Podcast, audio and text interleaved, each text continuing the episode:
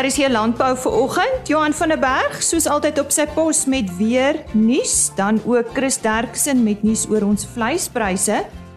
Dan vind ons meer uit oor vanjaar se jong wyn van die jaar. Vir die eerste keer 'n wit versnit wyn. En die LWO werkgewersorganisasie se Christo Wester praat oor arbeidsinspeksies op die plaas en wat daar is om van kennis te neem. Hartlike goeiemôre van my Lise Roberts en baie dankie dat jy saam met ons kuier vanoggend vir ons laaste program van hierdie week. Onthou, hier landbou van eh, my kant af is maandag tot donderdag van 5 tot 06:30. Ons sluit soos altyd eerste aan by Johan van der Berg met nuus oor die weer. Môre Johan? Goeiemôre Lise. Ons is nog nie ontslaaf van die koue fronte nie. Uh ons het uh, temperature die week nou weer gehad wat hier oor die suidelike dele baie naby aan vriespunt gedraai het en waarskynlik in die laagliggende gedeeltes ryk veroorsaak het. Um en ons verwag nog ten minste 3 frontale stelsels in September en dalk nog in Oktober ook. Op hierdie stadium lyk dit nie na te ernstige stelsels nie, maar uh, ons sal moet oplet. Uh die volgende stelsel is hybrid 12 13de uh en dan weer hybrid 2 ek dink 22ste en dan weer hier na die einde van die maand toe. Wat die reën betref, soos jy reg sê, uh dit begin al so 'n bietjie 'n someraanslag gevorm. Um die reën skuif ook. Dit reën tog in die Wes-Kaap, maar baie ligter en minder en dit skuif nou al meer teen die ooskus op uh die noordkus en oor die binneland um uh kom ons sê die aangrensende binneland.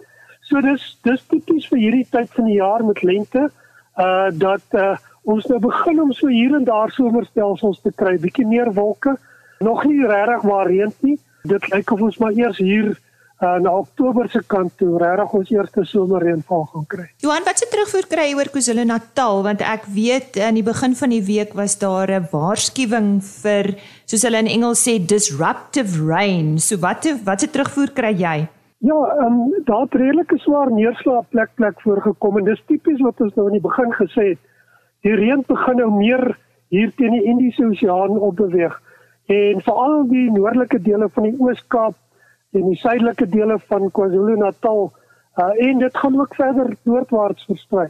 So dit elke keer wanneer dit nou reën, gaan daardie gedeeltes reën kry en redelik swaar reën en dan so 'n bietjie oor die binneland in beweeg vanuit die ooste uh wat wat uh, dan so oor Lesotho en dalk die Oos-Vrystaat en dan uh, kom ons sê die Hoëveld ook dalk kan vang. En net om jy af te sluit enige waarskuwings aan ons boere want ek weet daar was weer erge brande maar die winde hou ook nie op nie. Daar gaan baie sterk winde wees hierso van die 9de September tot omtrent 15 16 September. Want daar's 'n hele paar frontale stelsels wat oor die land beweeg. So die winde gaan aanvanklik noordwes wees, maar dan gaan hulle suid suidoos draai, maar daardie week baie sterk winde. So ek dink dit is die groot risiko op hierdie stadium. En natuurlik daar is nog 'n kans vir ryp.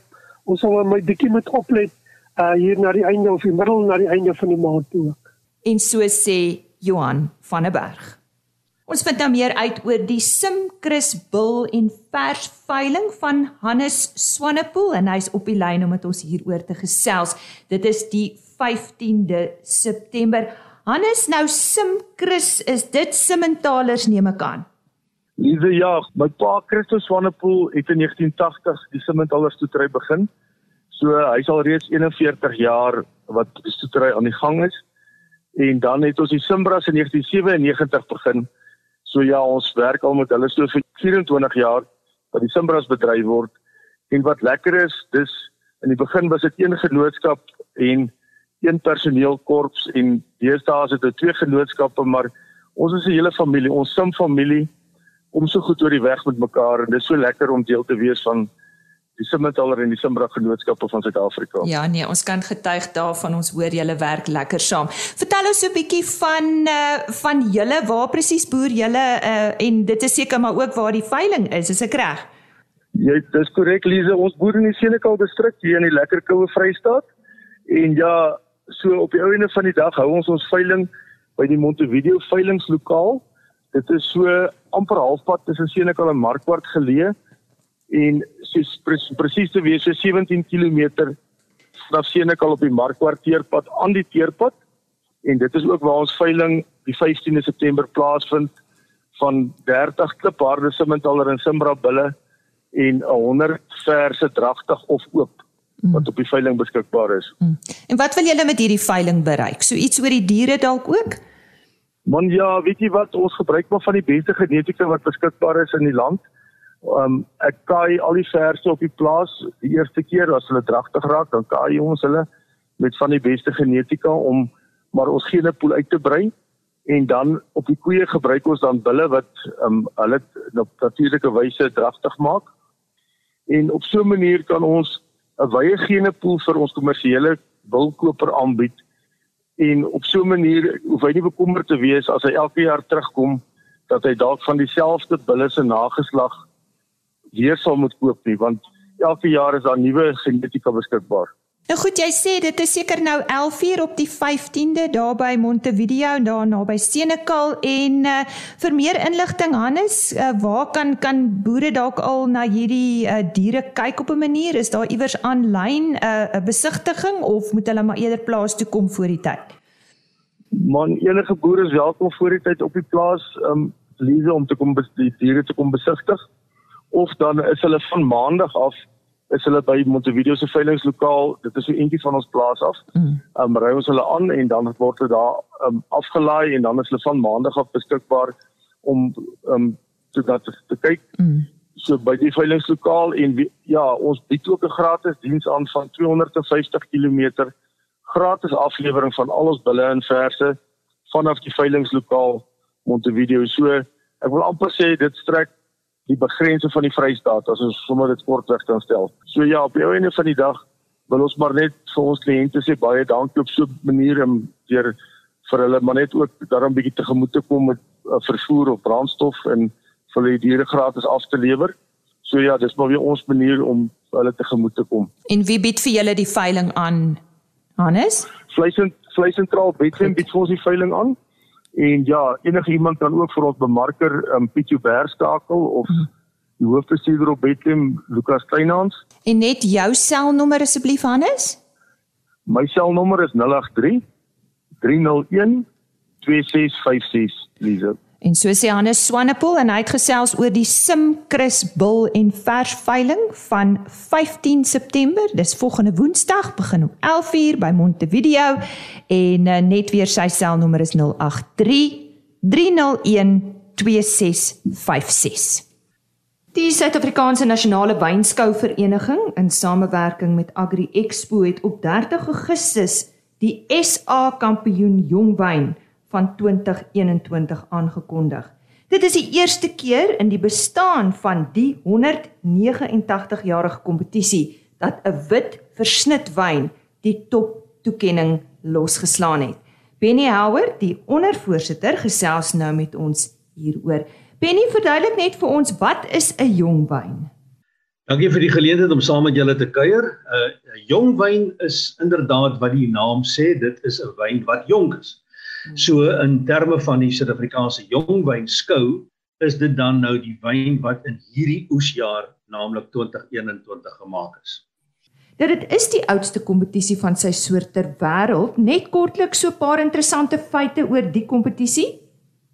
Ja, dis 'n wonderlike geleentheid om by so 'n skou betrokke te wees. Ek dink Suid-Afrika is bevoorreg dat ons spog met die oudste wynskou in die wêreld. Dit dateer terug na 1833 toe die eerste wynskou gehou is in die tuine uh daar langs die parlement wat destyds natuurlik die uh, tuine van die van die kompanjie was. En dit is al die jare aangebied deur die landbougenootskap van die Kaap die Goeie Hoop wat later Agri Expo geword het. Ehm um, en hulle het die wynbedryf die uh die geleentheid gegee om dit by hulle oor te neem 'n uh, hele klomp jare gelede al en ons doen dit dus in samewerking met hulle. En ons rol is om die hele proses te bestuur van die inskrywings, die beoordeling en die bekendmaking van die resultate. Uh terselfdertyd moet ek sê dat Agri Expo uh ons uh as organiseerder met 'n besonder indrukwekkende versameling van goue en silwer trofees toevertrou het wat jaarliks natuurlik oorhandig word aan al die nasionale wenners. Daar is 17 van hulle en dan is daar die twee hooftrofees wat aangebied word. Hoeveel inskrywings is vanjaar ontvang? Ons is baie gelukkig dat ons meer inskrywings gekry het as verlede jaar. Natuurlik met COVID verlede jaar was alles die mekaar. Uh so ons het net so oor die 1160 inskrywings gehad vanuit al die streke van van die wynbedryf. Ehm um, natuurlik het die skou al by oor die 2000 gedraai. Ehm um, maar dit is nou maar die tye waarin ons lewe dat daar minder inskrywings by wynskoue is. En hoe is die wyne beoordeel Benny? Dis 'n interessante storie want uh wat maak jy nou as daar so baie wyne is en jy het uh net uh, 'n uh, sekere aantal panele wat dit moet beoordeel. So ons werk met 13 panele.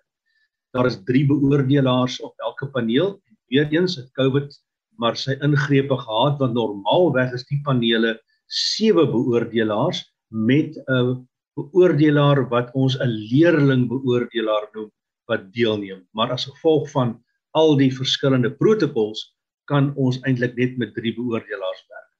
Die hele lokaal op Nederburg word ontsmet as ek dit sou kan sê deur 'n osoonbehandeling wat ons kry van taro wyne en dit maak dat alles gesteriliseer is in daai saal, die glase, die bottels, die tafels, die penne maak nie saak wat nie. Ehm um, en die beoordelaars kom sit dus in 'n absolute uh kiemvry omgewing om te beoordeel. Oor 4 dae beoordeel ons dan al die verskillende klasse. Uh en daar is ekspert panele vir elke klas, Sauvignon Blanc, Chardonnay, Cabernet Sauvignon, Pinotage, wat ook al die geval mag wees. En dan op die laaste dag sit ons die 17 wen kampioenwyne dan op 'n tafel neer en dan kry ons 'n ander paneel wat dan daaruit die wenner van daardie 17 panele of 17 trofees dan uiteindelik gaan beoordeel. En dis ons ons by die wyn van die jaar of die jong wyn van die jaar. Daar was natuurlik baie wenners, maar kom ons gesels oor Batsberg en hulle wit versnit wat vanjaar met die Louere weggestap het. Ja, ons moet vir hulle baie geluk sê. Hulle wen die Generaal Smith trofee waaroor ek nou-nou iets gaan sê. Dit is die groot kampioen trofee. En dis die eerste keer in die geskiedenis van die trofee se toekenning en dit is nou al 70 jaar gelede wat dit begin het wat 'n wit versnit wyn en daarbey ook 'n gehoute een dan nou wegstap met die Louere. Watsberg is natuurlik nie 'n vreemdeling as dit kom by die wen van die ehm um, Generaal Smith trofee nie. Hulle het dit al 4 keer van tevore gewen. Verlede jaar toevallig met 'n Ruby Cabernet, dan het hulle met 'n gehoute Pinotage gewen in 2016 en 'n natuurlike soet wit wyn in 2009. Nou jy het vroeër verwys na die generaal Smits trofee. Dit is nou verjaars die 70ste keer toegeken. Wat maak dit so spesiaal? Ek dink dit is seker die beker wat die belangrikste beker vir enige wynmaker is om te wen in Suid-Afrika. Nie net is dit 'n imposante beker nie, hy staan omtrent meer as 'n halwe meter hoog, maar dit is die beker wat gewen word deur die wenwyn van daardie betrokke jaar. Dit is 'n uitsoekbeker, dit is 'n beker wat iets sê van die uitnemendheid van ons Suid-Afrikaanse wyn. Uh en die feit dat dit al soveel jare toegeken is, maak dit 'n baie baie unieke en 'n gesogte beker. Dit is deur die uh familie van generaal Smits aan die wynbedryf geskenk om toe te ken aan die beste wyn van Suid-Afrika elke jaar. En die ander trofee wat ook spesiaal is, is die Pietman Hugo trofee. Waarvoor is dit? Dit word toegeken aan die uh, kelder wat die beste punte behaal het met 5 van hulle inskrywings. So dit is ook 'n baie moeilike beker om te wen want in die eerste plek moet ons mense klomp wyne inskrywe en dan moet 'n klomp van jou wyne natuurlik ook hoë punte behaal.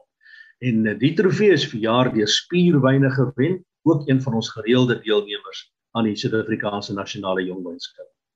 Benny, dink jy witwyn gaan nou meer gewild raak? Lise, ek dink enige kompetisie wat enige goeie uitslag het, maak dadelik 'n verskil aan ons verbruikers.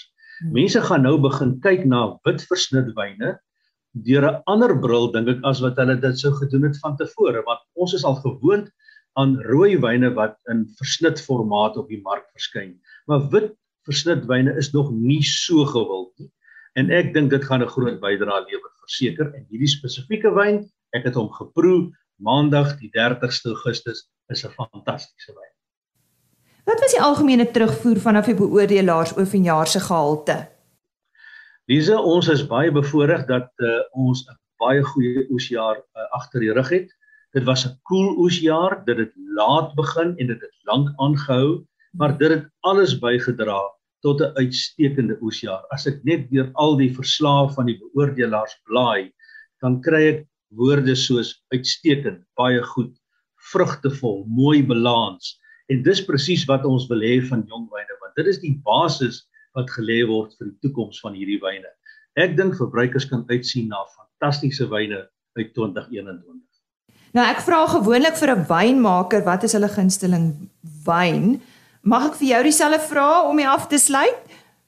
Ja, jy kan, maar die antwoord is baie moeilik. As 'n mens vir meer as 40 jaar in die bedryf is, dan het jy soos ek dink baie ander wynmakers ek sal sê 'n verskeidenheid wyne waarvan 'n mens hou. Uh ek is een van die gelukkige mense wat regtig waarvan al ons wyne wat ons in ons land produseer hou.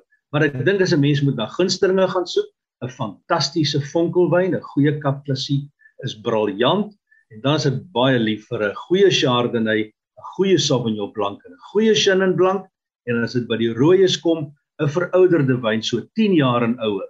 Maak nie saak van watter kultivar of versnit nie, is darm bobaas. Dit was in die stem van Benny Howard. Hy is die ondervoorsitter van die SA Nasionale Wynskou Vereniging en hy het gesels oor die onlangse SA Kampioen Jongwyn wat uh, aangekondig is en vir die eerste keer in die geskiedenis van hierdie kompetisie was dit 'n wit versnitwyn. Chris Derksen staan reg met ons nuutste vleispryse en dit is pryse wat behaal is by veilinge in die Noord-Vrystaat hierdie week. Chris? Goeiemôre Lisa en alle medeboere. Ek gee graag vir julle die verslag van Woensdag die 8ste September wonderlik dat ons 'n bietjie reën gehad het wat die veldbrande naderhand sal begin beheer, maar intussen is dit maar 'n gemors. Daar's baie sterk aanvraag vir alle tipe lewende hawe op die oomblik. En met mieliepryse wat daal en speenkalfgetalle wat afneem, is 'n stygings in speenkalfpryse regtig baie sterk moontlikheid. Skeertyd verhoog natuurlik die aan die aanbod van lammers wat hulle pryse effens neerdruk. Maar ek gee vir julle die presiese pryse Speenkalvers onder 200 kg het gegaan vir R41.55. Van 200 tot 250 kg R38.61 en oor 250 kg R37.11. A-klasse R27.80. B-klasse R23.64. Vetkoeie R22.89 en maarkoeie het gewissel van R18 na 21.75 wat regtig 'n redelike prys is. Slagbulle mooi op na R25.55 en as 'n mens dink dat 'n bil maklik 6-700 kg weeg, is 'n rand 'n groot verskil op die prys.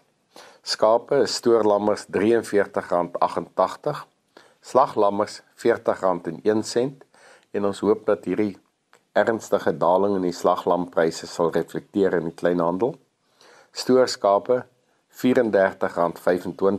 wat 'n wonderlike hoë prys is en vetskape R33.22. Vanaf die bokmark en is interessant dat bokke so duur bly.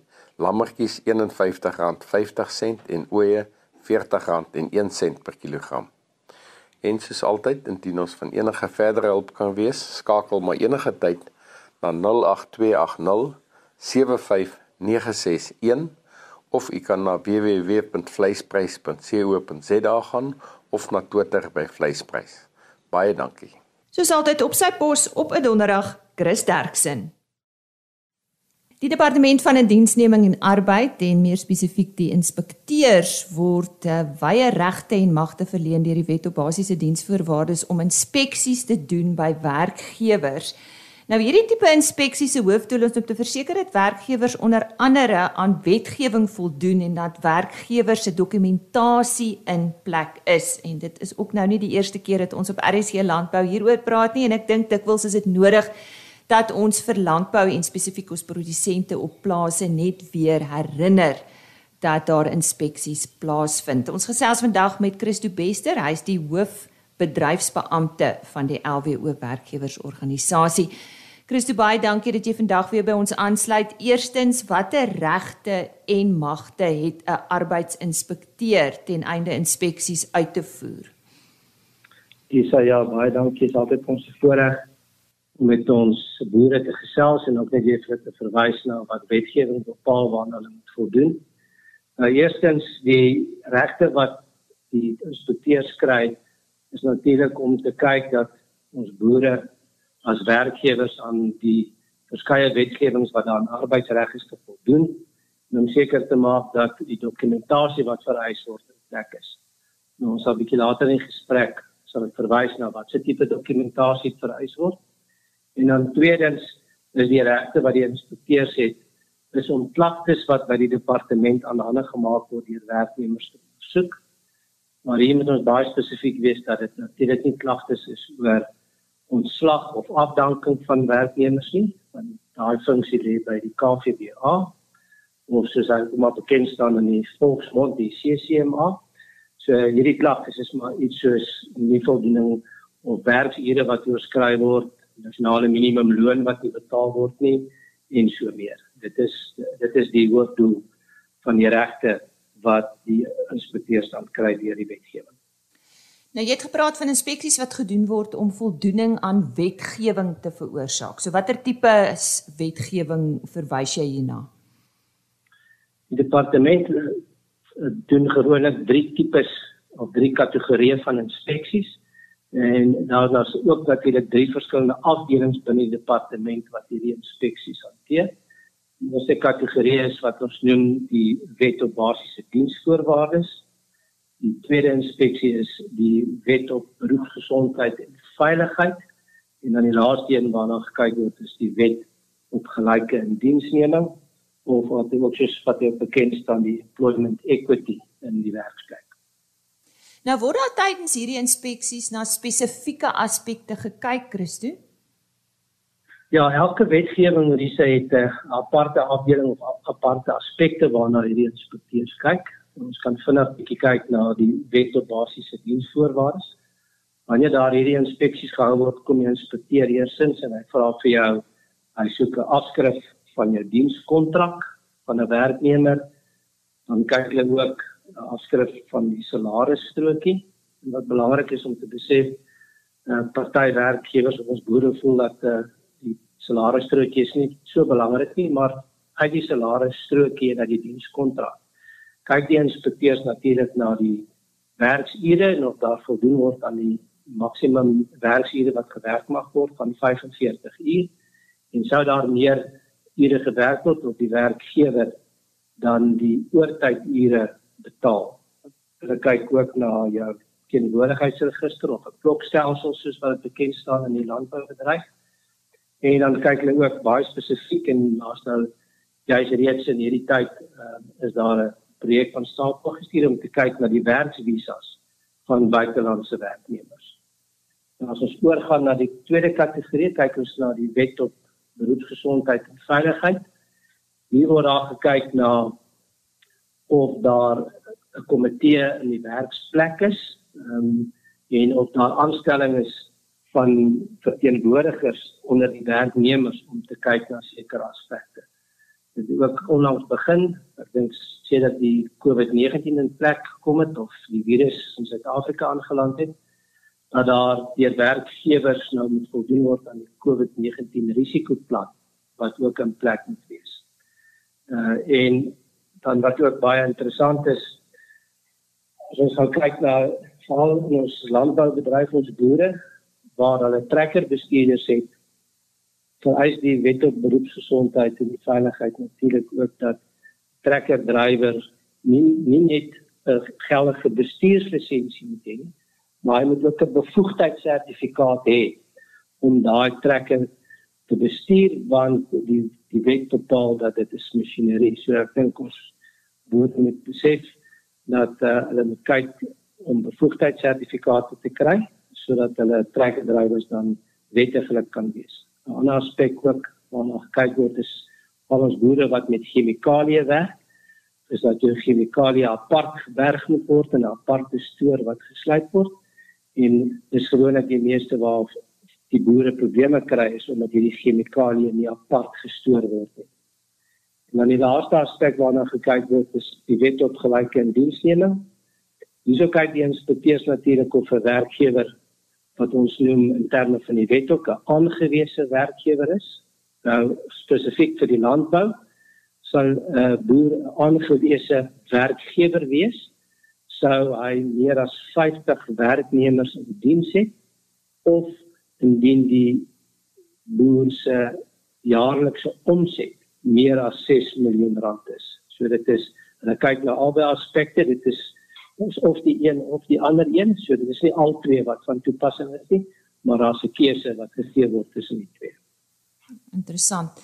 Wat is 'n inspekteur se magte ten opsigte van toegang tot werkspersele, Christo? Nou, hier is die die wetens die wet tot basiese diensvoorwaardes gee natuurlik vir inspekteur die magte om enige werksplek te betree en te besoek sonder 'n afspraak natuurlik. Hy kan eenvoudig net daar opdaag en dan kan sê maar hy kom aan inspeksie.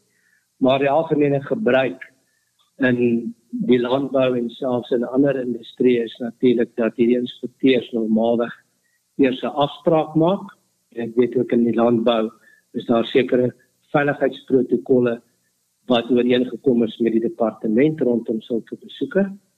Ek dink is uh, ons boere moet dan ook net kennis neem dat wanneer 'n inspekteur wil 'n besoek kom doen by jou privaat woning as waar jy van nou werk, dat so toegang nie verkry kan word sonder natuurlik jou toestemming ehm um, van om die inspekteur toegang te gee. So die inspekteur kan nie net eenvoudig by 'n privaat woning instap sonder afspraak nie. Hmm.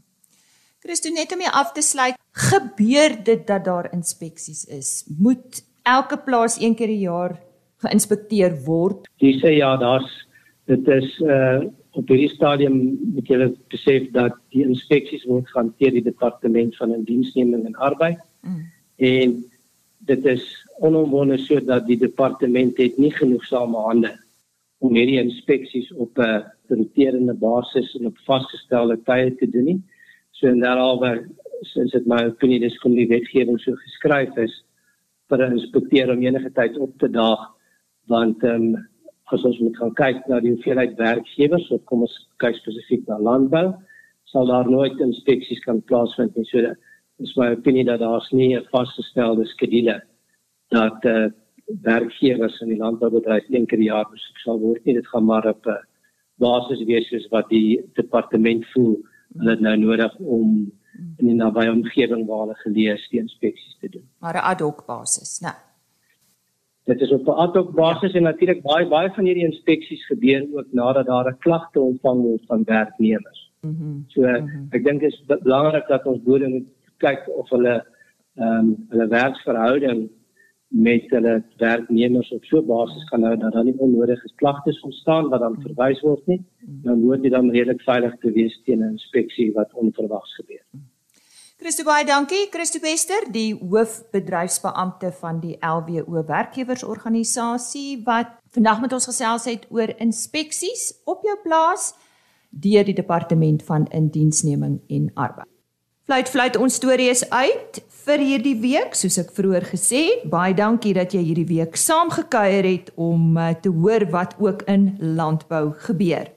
Onthou ons onderhoude is op www.agriorbit.com beskikbaar. Die program volledig ook op die RSG webtuiste onder potgooi en dan sluit ek af soos altyd met ons e-posadres. Dit is rsglandbou@plaasmedia.com www.rsg.co.za. Geniet die res van jou dag en mag jou naweek wonderlik wees. Tot maandagooggend. Totsiens. RSG Landbou is 'n plaas media produksie met regisseur en aanbieder Lize Roberts en tegniese ondersteuning deur Jolande Rooi.